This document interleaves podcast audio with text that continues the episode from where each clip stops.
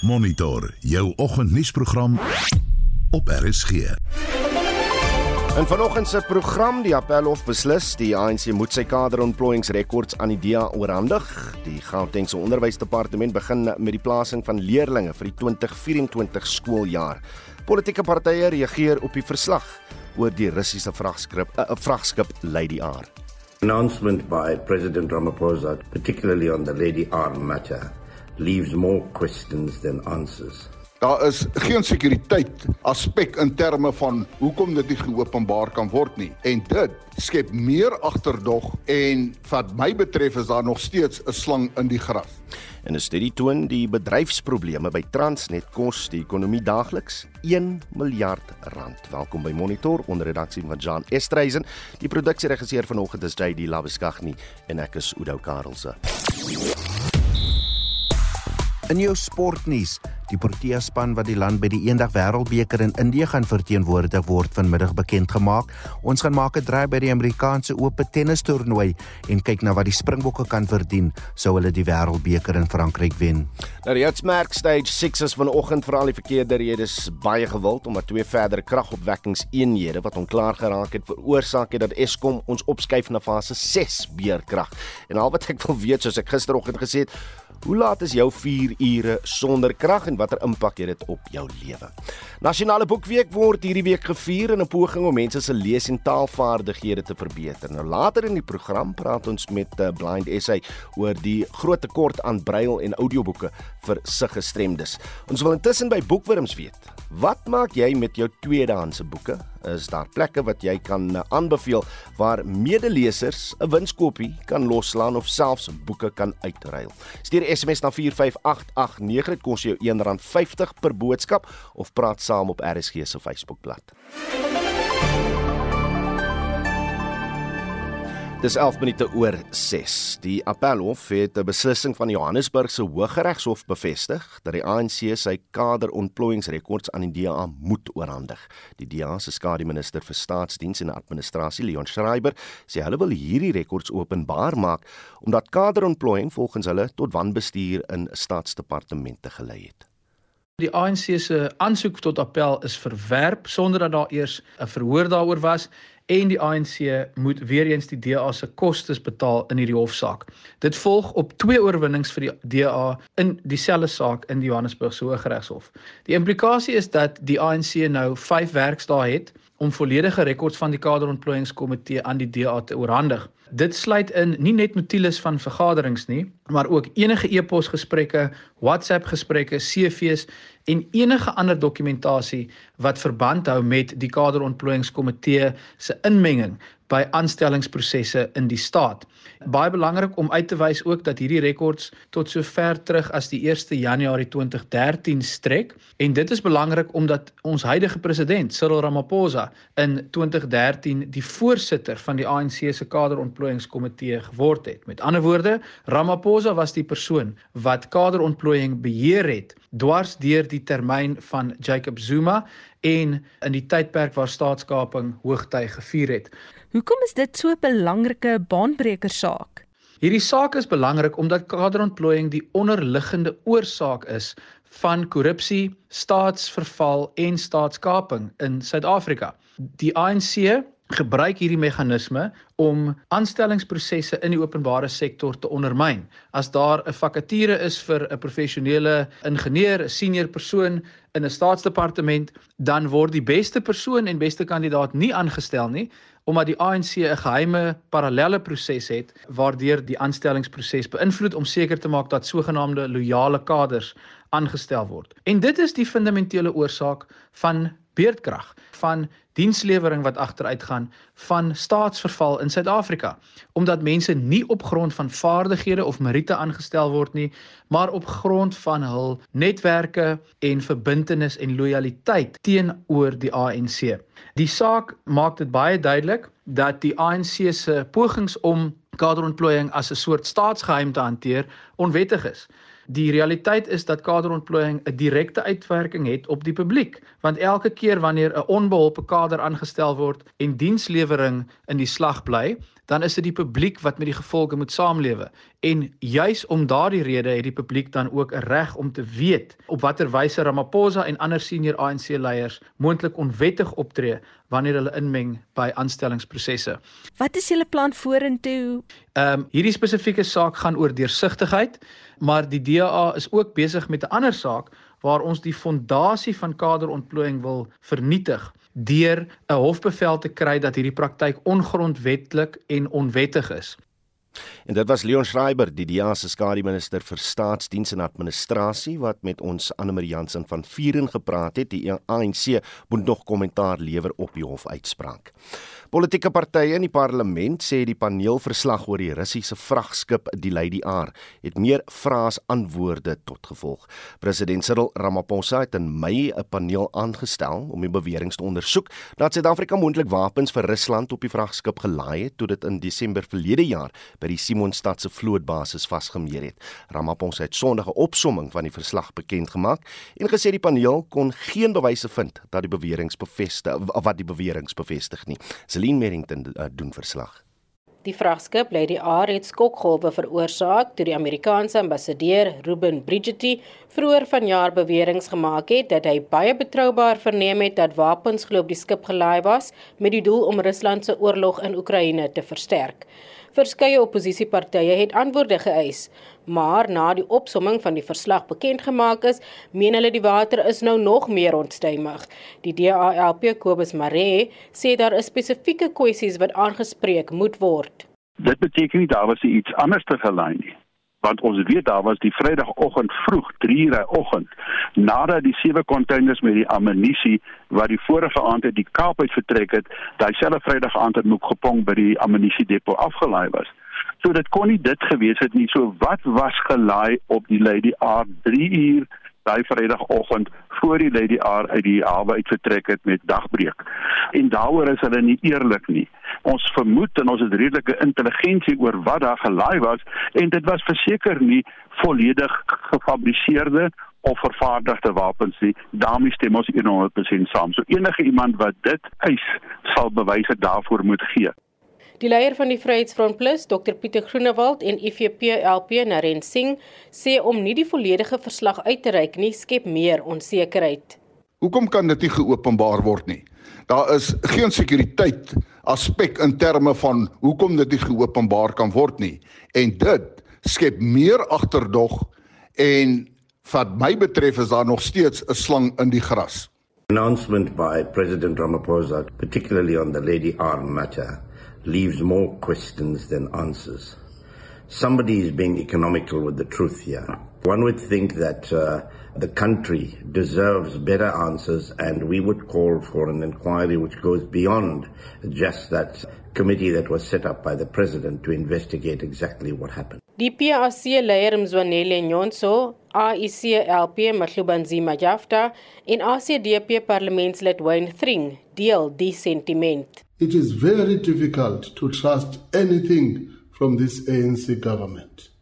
For argument's sake, let's say this three member panel had found out that weapons were indeed loaded in that vessel known as Lady R. What difference would it make? Because the ANC would still take the findings to Parliament and vote against them as if they never existed.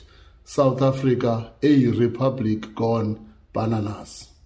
We, however, urge the President to only release those aspects of the report which do not pose a threat to South Africa's national security. This is important in order to promote transparency and openness, and also for his office as the President. What this is, is a battle between the superpowers and the hegemony of these superpowers. South Africa walks a tightrope, and South Africa has to always walk on the side of truth. We understand that we have interests, trade interests, both the West as well as the East, and the hegemonic powers of these interests would seek to want to influence South Africa in one way or the other.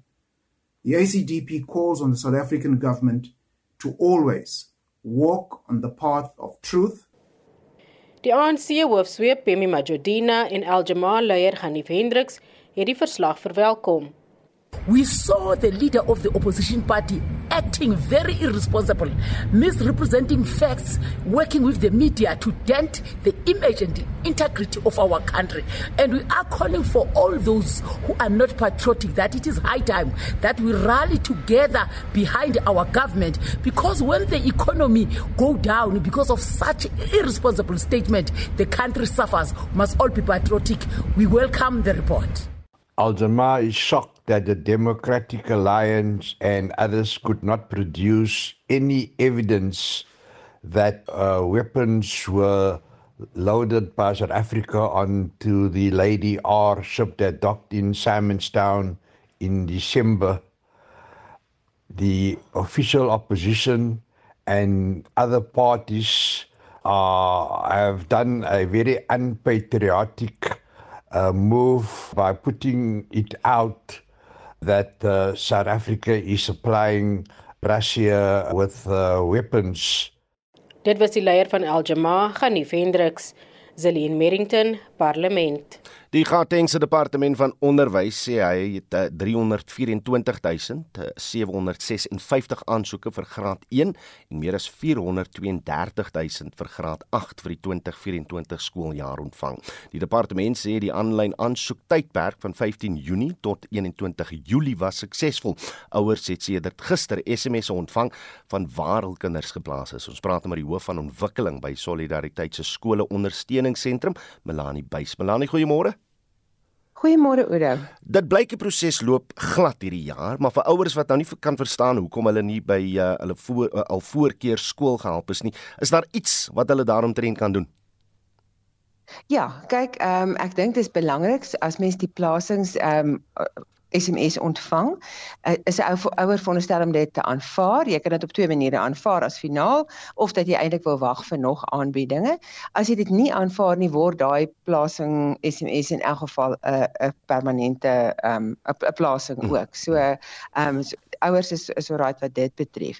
Ehm um, ek dink dit is baie belangrik dat as jy 'n aanbod kry van 'n skool waar jy nie aansoek gedoen het nie, wat wel gebeur, of 'n skool waar jy regtig wat nie 'n voorkeurskool is nie, gaan eers na die skool toe waar jy aansoek gedoen het, waar jy jou dokumente ingedien het. En maak net seker want baie keer met hierdie stelsels en met die aftekenlyste is daar baie keer ehm um, tussen die departement en die skool is daar uh, miskommunikasie en is daar maar probleme en soms gebeur dit dat dat die skool wel plek het vir 'n kind hmm. en dat hy 'n ander aanbod kry. So ek stel voor ouers dit doen. Ehm um, wat wat ook waar is, dit is die daar's 'n aantal hoë druk skole waar ehm um, baie kinders graag wil wees. Dis natuurlik goeie skole. Daar's omtrent so 600 sulke skole uit die 2600 in in Gauteng. So ehm um, dit is maar belangrik as jy by een van daai skole wat waarskynlik is aansoek gedoen het om net seker te maak by die skool of jy werklik nie plek gekry het daar nie voor jy dan nou 'n ander aanbod aanvaar. Is dit nog te vroeg om te weet hoeveel kinders nou nog nie plasings gekry het nie? Kyk, hulle gaan nou maar die plasings um, ehm, SMS'e uitstuur deur van van gister af deur die tyd nou en dan um, kinders wat binne die voedersone van die skool bly, kry natuurlik voorkeur hmm. met die plasings.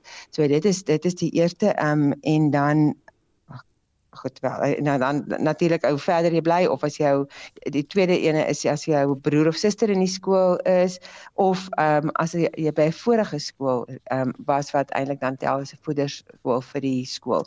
Waar ons wel 'n paar uitdagings sien is dat daar graad R is wat by 'n laerskool reeds in graad R is mm. en nie plasing kry of op die lyste is van die departement vir graad 1 nie. Maar ek raai absoluut daai ouers aan daai kind het reeds eintlik 'n gevestigde belang by die skool gaan hmm. praat net eers met die skool. En maak seker dat dit op 'n manier vir daardie kind wel plek is voor jy dan nou aangaan en ander aanbiedinge aanvaar nie. Melanie, nou moet ek vra hoe lyk uh, julle uh, die klagtes op jou lesenaar hierdie jaar in vergelyking met ander jare? Ja, wel die groot probleem was natuurlik die departement wat probeer kapasiteit skep het deur eenvoudig briewe vir skole te stuur om te sê, ehm um, julle julle is onder kapasiteit terwyl daai skole chock and block vol is. So dit was maar die eerste groot probleem. Ehm um, en dan wil ons sê waar daar regtig nie plek in skole is nie, moet moet die departement nie daardie skole nog steeds groter en groter probeer maak nie. Ons ons dink die grootste probleem is dat ehm um, goeie skole word nou mega skole.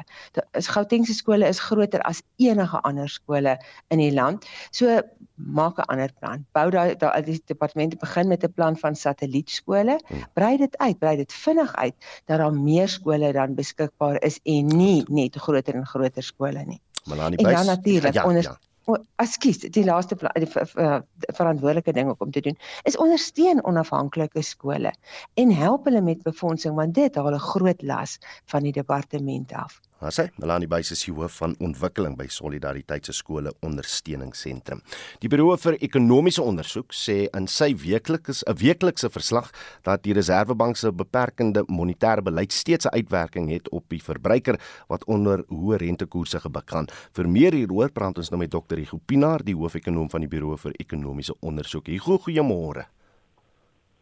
Goeiemôre um, aan jou en jou luisteraars. Ek wens dit was dokter, maar dit is net dis net meneer ongelukkig. Het ek nou gesê dokter? Mm. Daar's jammer, jammer. Hugo Pinaar is saam met ons. Luister, het, het, het president Ramaphosa se uitlatings oor die Lady R ondersoek enige uitwerking gehad op die markte? Weet jy, Udo, ek dit is altyd moeilik om te sê wat spesifiek ehm um, die markte uh, dryf. Ehm um, die die aandelebeurs het het gister eintlik nogal uh, positief presteer, maar ek dink dit het baie meer te doen met ehm um, wêreldtendense, die feit dat die Chinese nou begin meer om om hulle ekonomie te stimuleer. So dit help so bietjie kommoditeitspryse. So ek dink daai deurspoel het ons gister op die op die Johannesburg se aandele beurs gesien. Die rand was uh, swakker gister, maar mense sou nie dink die rand moet swakker wees na na wat die president uh, Sondag gesê het nie, want dit was eintlik positief ehm um, gewees. So nee, moeilik om te sê, maar, maar ek ek ek dink regtig nie mense kan sê daar was enige wesenlike impak um, op die markte uh, uh, na sy toespraak Sondag aand nie. Nou dis 'n goeie ding, maar daar wag nog skokke op Suid-Afrikaanse verbruikers hierdie week, né?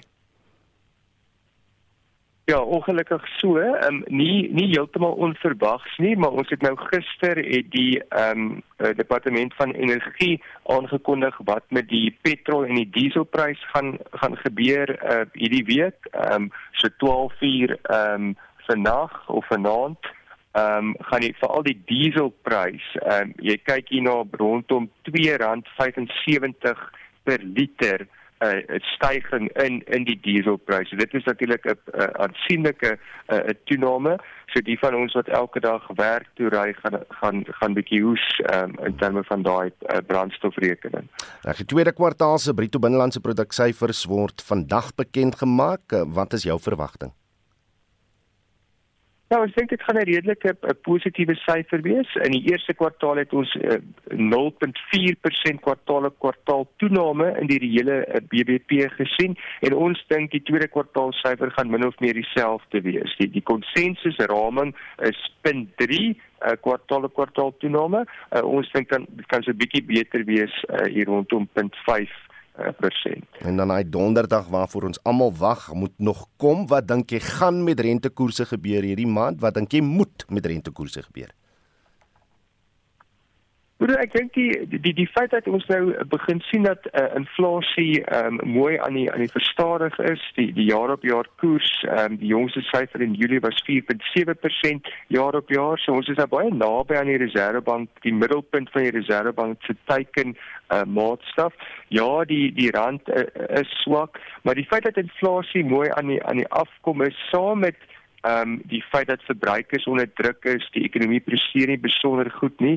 Daai kombinasie dink ons ehm um, jy weet gaan beteken dat die Reservebank die repo koers onveranderd hou in September en ook vir die afsienbare toekoms.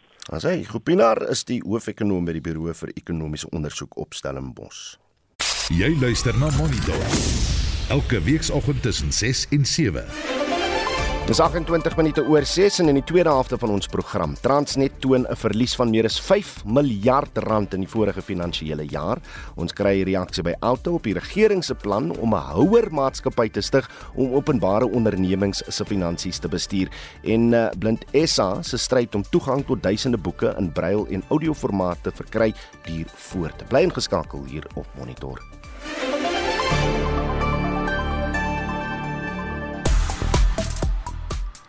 Reg, kom ons kry 'n bietjie terugvoer en vanoggend wil ons weet, dis nasionale boekweek. Uh, hy word hierdie week gevier in 'n poging om mense se lees- en taalvaardighede te verbeter. En uh, ons praat net so 'n bietjie later met 'n uh, blind essay. Dis nou blind Suid-Afrika oor die groot tekort aan braille en audioboeke wat uh ja, wat, wat uh, daar beskikbaar is vir se gestremdes. Maar ons wil intussen weet by Boekwurms, wat maak jy met jou tweedehandse boeke? Is daar plekke wat jy kan aanbeveel waar medelesers 'n winskoopie kan loslaan of selfs boeke kan uitruil.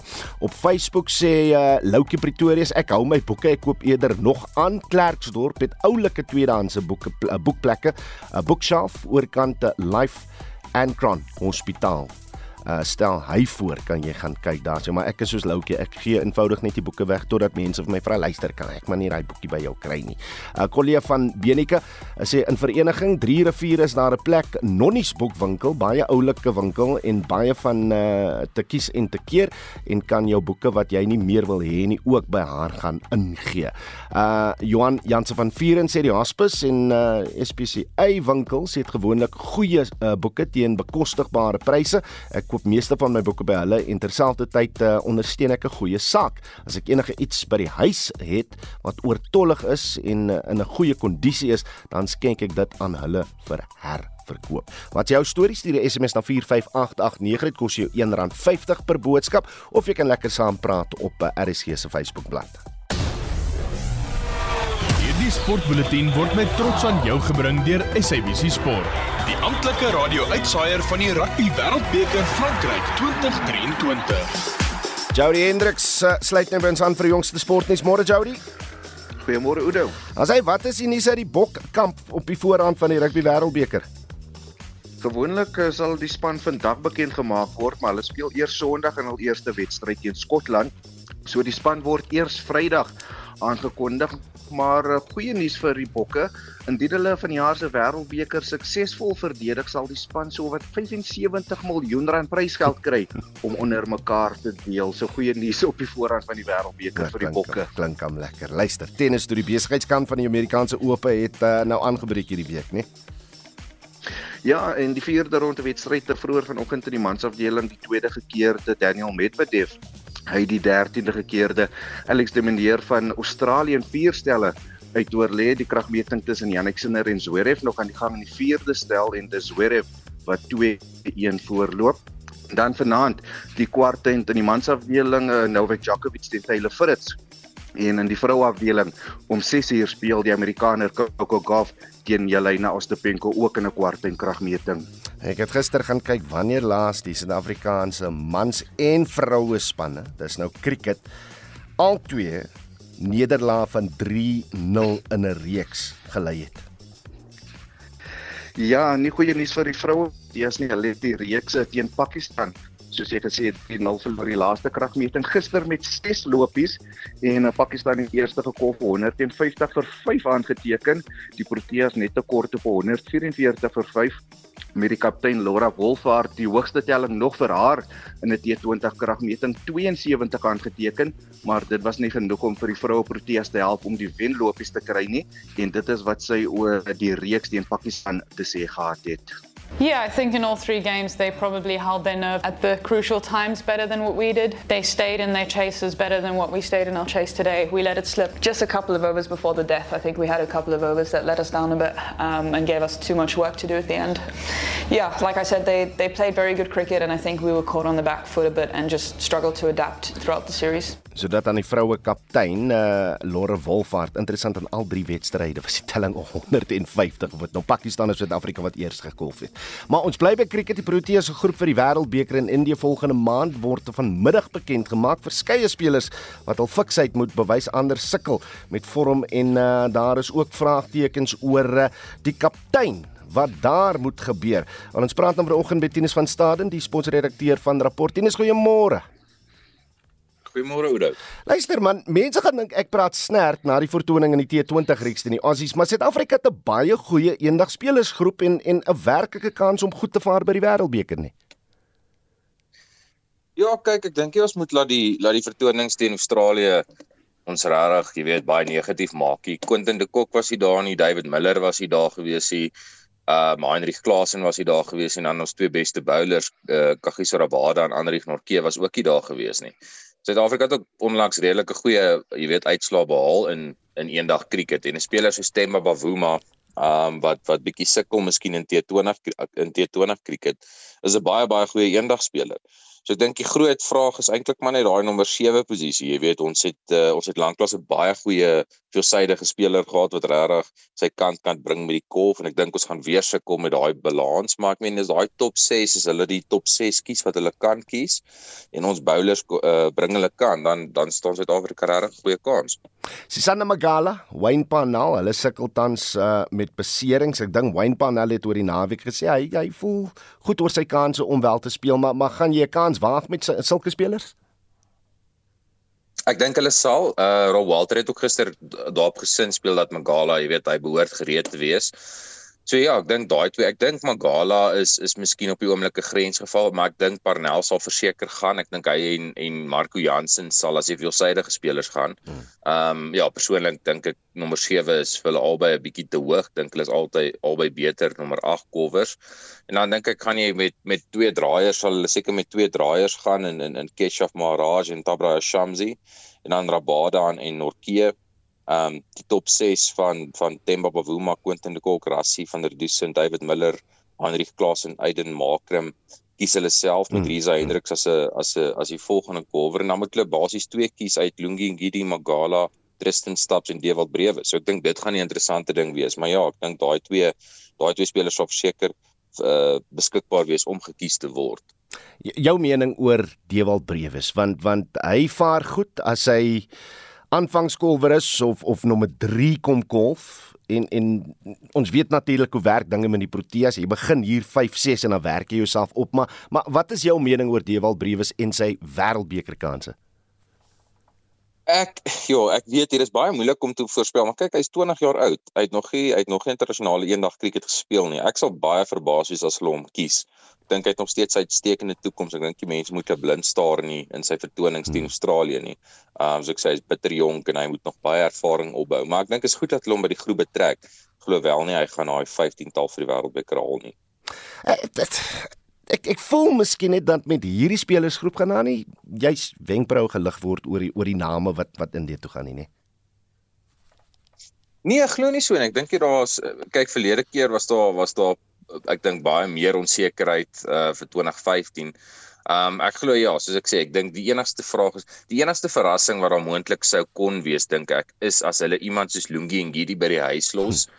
en liewer vir Tristan Stabs of vir Dewald Brewes vat. Kyk, hulle het hulle het ook die, hulle het ook die opsie om om 3 uh 3 draaibal bowlers te kies as hulle vir Bjorn Fortuin ook insluit. Hm. Ek glo nie hulle sal dit doen nie want ek bedoel iemand soos Aiden Makram kan baie goed bol.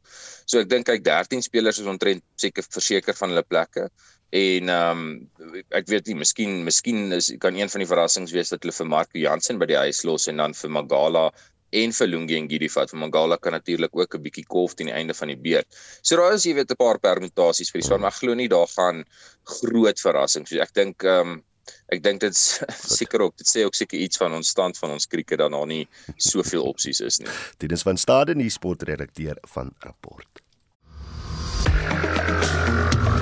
Hierdie sportbulletin was met trots aan jou gebring deur SABC Sport, die amptelike radio-uitsaier van die Rugby Wêreldbeker Frankryk 2023.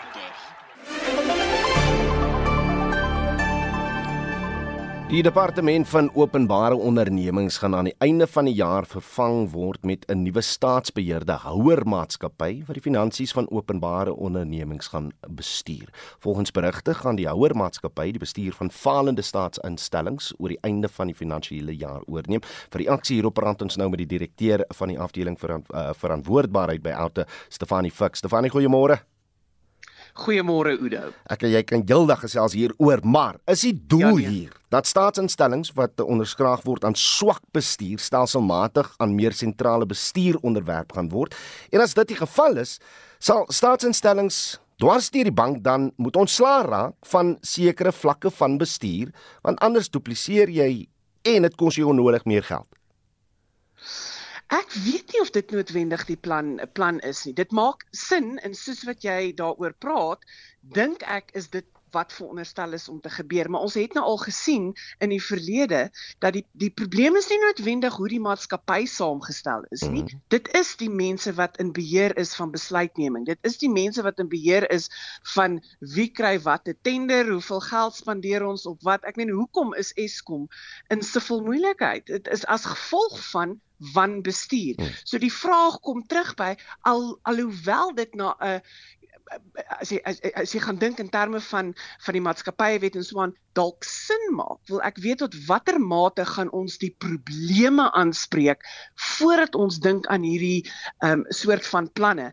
Want as jy nie die onbevoegdheid gaan aanspreek nie, gaan hierdie glad nie help nie. OK. Ek sê die SAIK is van die staatsondernemings wat eers in 'n tweede fase van die proses geraak sal word. Hoekom voldoen hulle nie uh, aan die vereistes om om deel te wees hiervan vir die eerste fase nie? Ek is omdat hulle te veel geld skuld. So dit dit, dit gaan jy, om deel te wees van die houer maatskappy soos wat ek dit verstaan, moet jou geld sake in orde wees want anders te is dit soort van jy jy vat oor 'n uh, organisasie wat se se geld sake nie reg is nie. Hmm. Dieselfde met Eskom. I mean ek het lanklaas in my lewe so baie nulle gesien die die die die die die, die, die hoeveelheid geld wat hulle nodig het om hulle te help Transnet. Ek ek dink jy kan 'n hele nasie ehm um, voed op die hoeveelheid geld wat daar. So hulle sal eers daai moet uitsorteer voordat hulle kan oorgaan. So die die ouens wat lyk my reg is om oor te gaan is Sentex, Safcol, ehm um, die Nywerheidsontwikkelingskorporasie, die Ontwikkelingsbank, Eiendomsmaatskappy. Nou, ehm um, sover ek verstaan, Safcol is die enigste maatskappy wat 'n dividend verklaar het. Mm, mm. Ehm um, van 2018, uh, 2019 tot 2022 ehm um, 2023. So weer eens, ehm um, weet hoe hoekom is hulle in finansie in 'n finansiële penarie? En dit moet eers uitgesorteer word. Um, voordat jy hierdie voordat ons ons SOUs kan help. Daar het Pravin Gordhan gesê, hm. Transnet, daar's nog steeds korrupsie aan die gang. Stefanie dan wil ek net weet. Dan dan wil ek net weet. Die departement van openbare ondernemings sal die stigting van die houer maatskappy befonds. Terselfdertyd betaal die staat dan vir die omkeer of die omdraai van staatsbeheerde instellings wat, wat sukkel. Hoeveel gaan dit Hoeveel gaan dit kos? Hoeveel gaan die staat nodig het om dit te befonds? Ek gaan definitief nie eers probeer om daai syfer uit te spreek. Triljoene. Ehm um, net as ek as ek gaan kyk na die syfer wat Eskom nodig het, dis triljoene. En dit nou gesê in dieselfde asem waar ons minister van finansies nou net gesê het Hokkaai mense, ons fiskus is on, on, onder ongelooflike stres.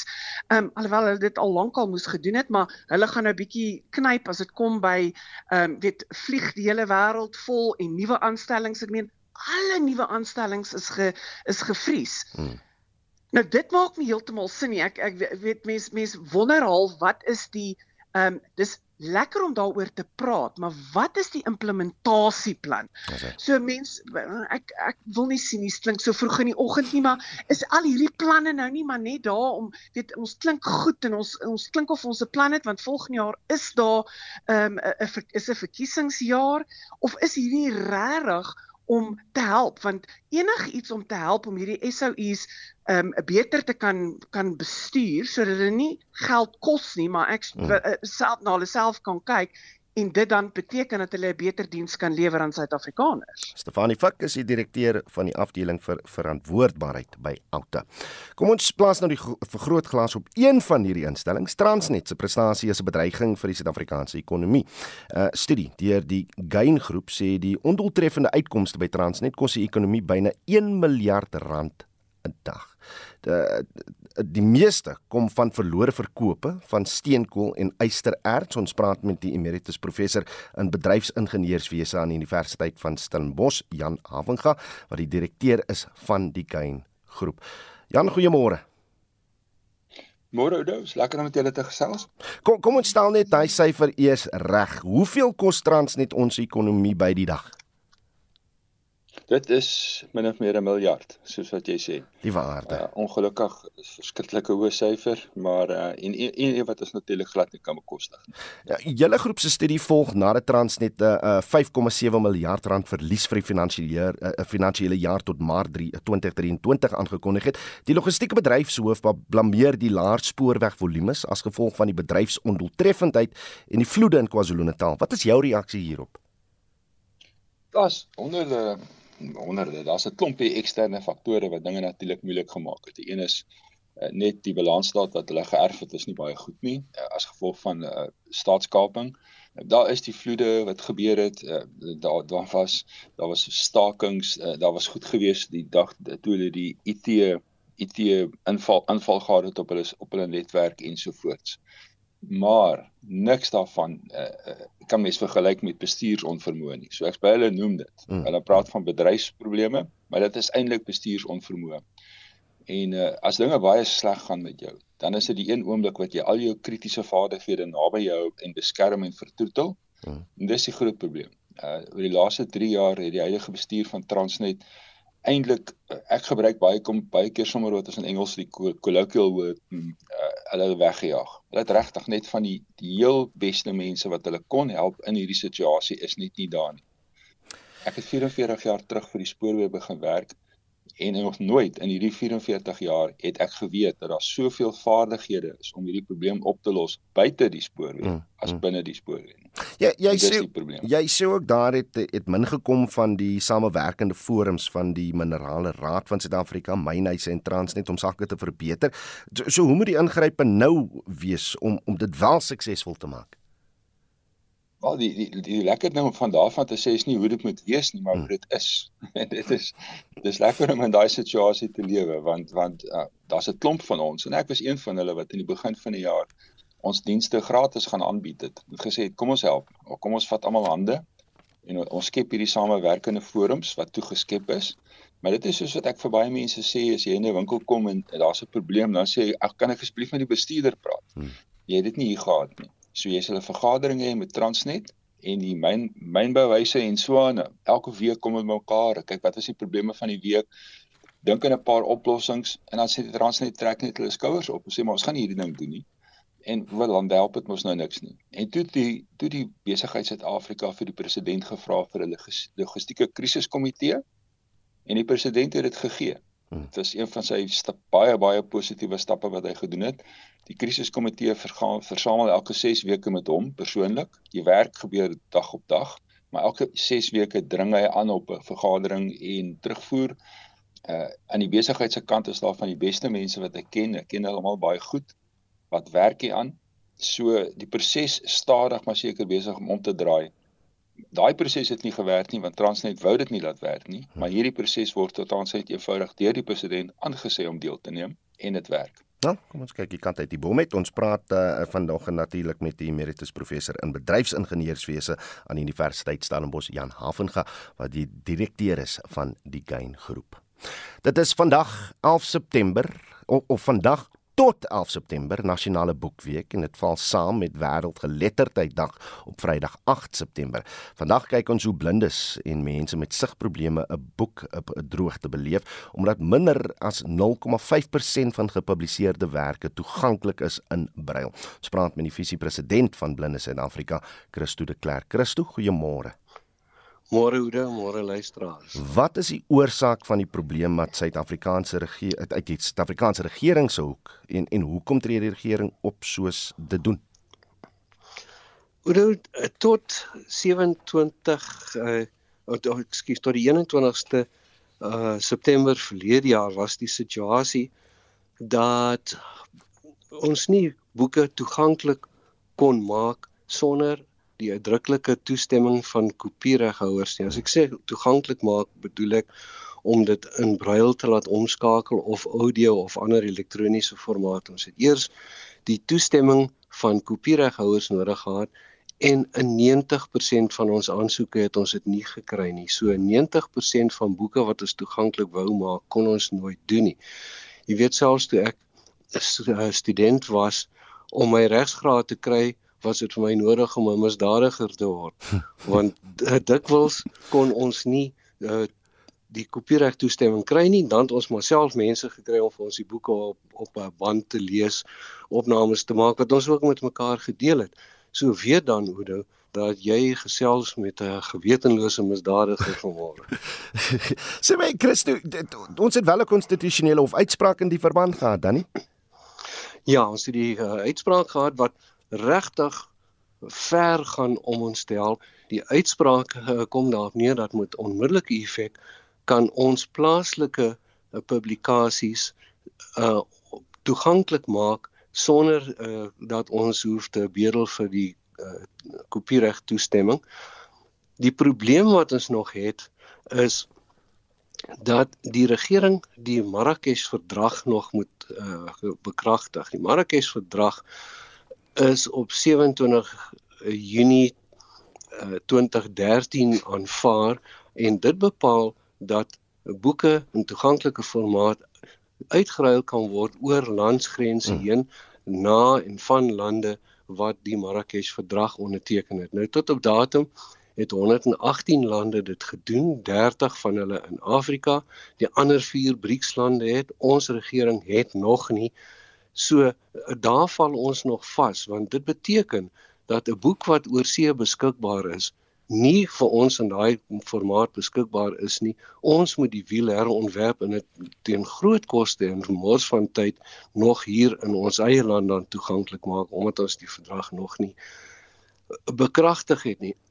dit is dan waarom ons op die 27ste Junie die die die die, die betogingsmars gehad het daaroor uh wat ons by Durkou geëindig het om te eis dat die regering nou iets moet doen want is maande maande na die grondwethof uitspraak en die regering het op daai stadium nog niks gedoen. As as ons sê die regering met ander woorde die president moet hom net onderteken. Hoekom het dit het hy dit nou nog nie gedoen nie? Was hy gekant daarteen? Uh hoe nee, dis nie 'n omstrede saak nie. Niemand is gekant daarteen nie. Die mense doen net nie hulle werk nie. Ehm um, nee, dit is nie net die president wat uh, die verdrag moet onderteken nie. Daar's 'n proses wat gevolg moet word. Hmm. En ehm um, die presidentsie het nou aan ons uh, terugvoer gegee. Hulle hulle ondersteun dit. Hulle ehm um, gaan die verdrag vir ons bevestig, maar daar is 'n proses wat deurgaan moet word. Ons het uh, so onlangs soos donderdag 'n vergadering gehad waar die presidentsie en die vyf staatsdepartemente wat betrokke is almal teenwoordig was en dit was verblydend dat almal wat genooi was vir die vergadering het opgedag en almal is uh, sterk ten gunste daarvan dat die verdrag so gou as moontlik bekragtig moet word. Die proses gaan nou uh, bestuur word hmm. deur die departement van handel en nywerheid en kompetisie en hulle sê hulle het nou al reeds geskakel met WIPO, dis die World International uh, World Intellectual Property Organization. So hulle is nou besig um, om die die nodige uh, wetgewing in plek te sit sodat die verdrag geteken kan word. En dit was Christo de Klerk, die adjunk president van uh, Blind Suid-Afrika. Navorsing toon dat 'n groot aantal Suid-Afrikaanse kinders sukkel om te leer lees. Daarom hou die Noord-Kaapse Departement van Onderwys 'n tweedagse indaba oor hierdie onderwerp by die Solplaatjie Universiteit in Kimberley. Die doelwit is om onderwysers te help met eh, spesiale tegnieke om kinders se leesvaardighede te verbeter. Andermie Jansen van Vierenburg 'n Navorsingsverslag deur die drukgroep Progress in International Reading Literacy Study, oftewel PIRLS, toon dat 81% van alle Suid-Afrikaanse graad 4 leerders nie met begrip kan lees nie. Dit het 'n geweldige invloed op hulle skoolloopbane. Daarom het die Noord-Kaapse Departement van Onderwys besluit om die lees in Daba te hou. So verduidelik die LER Solile Monakeli. We want to make sure we give our learners opportunity so they can improve on their reading skills. And we are depending on all the stakeholders.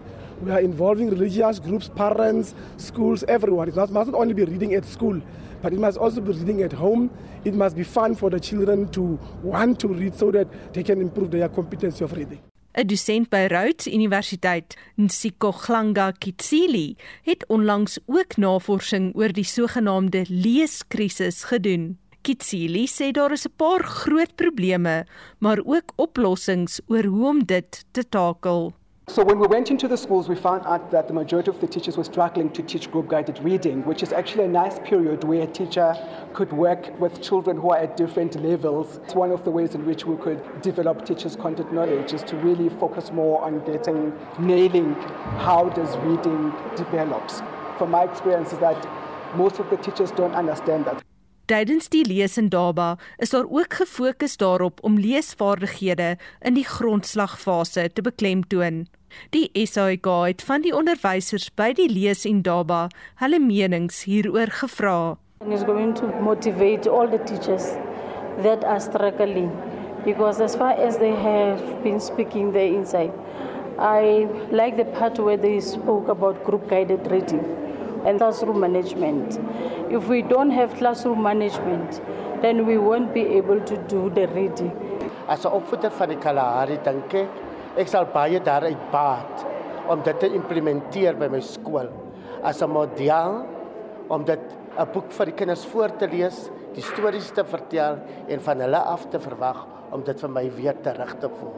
En dan verwag ek ook dat die kind sy agtergrond kan vertel van dit wat hy pas gelees het. Die Noord-Kaapse Departement van Onderwys het ook begin om boekklubs by verskeie skole in die provinsie bekend te stel. Hierdie verslag van Clement Matroos in Kimberley en ek is Anne Marie Jansen van Vuren vir SAK nuus. Ek is hierdie week nasionale boekeweek en ons wil by jou weet wat maak jy met jou tweedehandse boeke? Is daar plekke wat jy kan aanbeveel waar uh, medelesers 'n winskoopie kan loslaan of selfs boeke kan uitruil? Op Facebook sê Marilee, ek neem baie moeilik van boeke afskeid. Ek doen dit gewoonlik eenmaal 'n jaar met 'n groot regpak 'n uh, 'n uh, ritteltit so van direk trek. Ek gee gewoonlik aan my kinders se skool se biblioteek wat dankbaar is om die boeke in te neem. Desrey Sauer sê vertel ons ook van hoe mense kan betrokke raak oor audioboeke vir gesiggestremdes. Wel, ek sal later die kontakdetail los en dan kan iemand dit uh, vir ons of of ons bietjie daarmee help. Lorraine Barbara van Lyn sê ek woon in Philippi Kaapse vlakte. Ek is versot op Heinz Gunter uh, hoofsaaklik. Waar kan ek nog kry? Uh teen bekostigbare pryse. Dis nou nog 'n luisteraar wat bietjie raad soek as jy kan uithelp, stuur gerus vir ons 'n boodskap. Marizaan Esterhuise sê skenk my boeke aan my kerk wat dit verkoop tydens 'n 'n Kers 'n 'n bazaar kermis uh, daar by die by die kerk hou. Stefanie Loot sê daar is baie mense wat op die uh, Biddelbaai webtuiste tweedehandse boeke verkoop. Ora van Drogenbroek sê my oortollige boeke gaan na die SPCA winkel toe en so sê talle mense ook. So miskien is dit een, een van die gewildste plekke om 'n uh, paar uh, mooi tweedehandse boeke te kry. Ja, Theo Guelam sê ook in Parys is daar 'n SPCA winkel wat altyd boeke verwelkom of in Potchefstroom is daar 'n tweedehandse boekwinkel waar jy krediete kan opbou en of weer tweedehandse boeke kan kry en uh, teen 'n billike prys. So wat is jou raad? Stuur 'n SMS na 45889. Dit kos jou R1.50 per boodskap. Jy kan ook lekker saamgesels op RSG se Facebookblad. Uh waar kry jy jou tweedehandse boeke? Wat maak jy daarmee? En gee ons 'n paar wenke van plekke waar jy bietjie van 'n winskoopie kan loslaan. Onthou ons vorige uitsendings uh, van al ons nuusaktualiteitsprogramme as potgooi op RSG se webtuiste beskikbaar. Ons groet dan namens ons uitvoerende regisseur Nicoline de Wee, die redakteur vanoggend Jean Esterhuizen, ons produksieregisseur JD Labeskagni en ek is Oudo Karel. So op en wakker is volgende. Geniet die res van die dag. Fase 6. Weerkrag mense. Beste wense. Totsiens.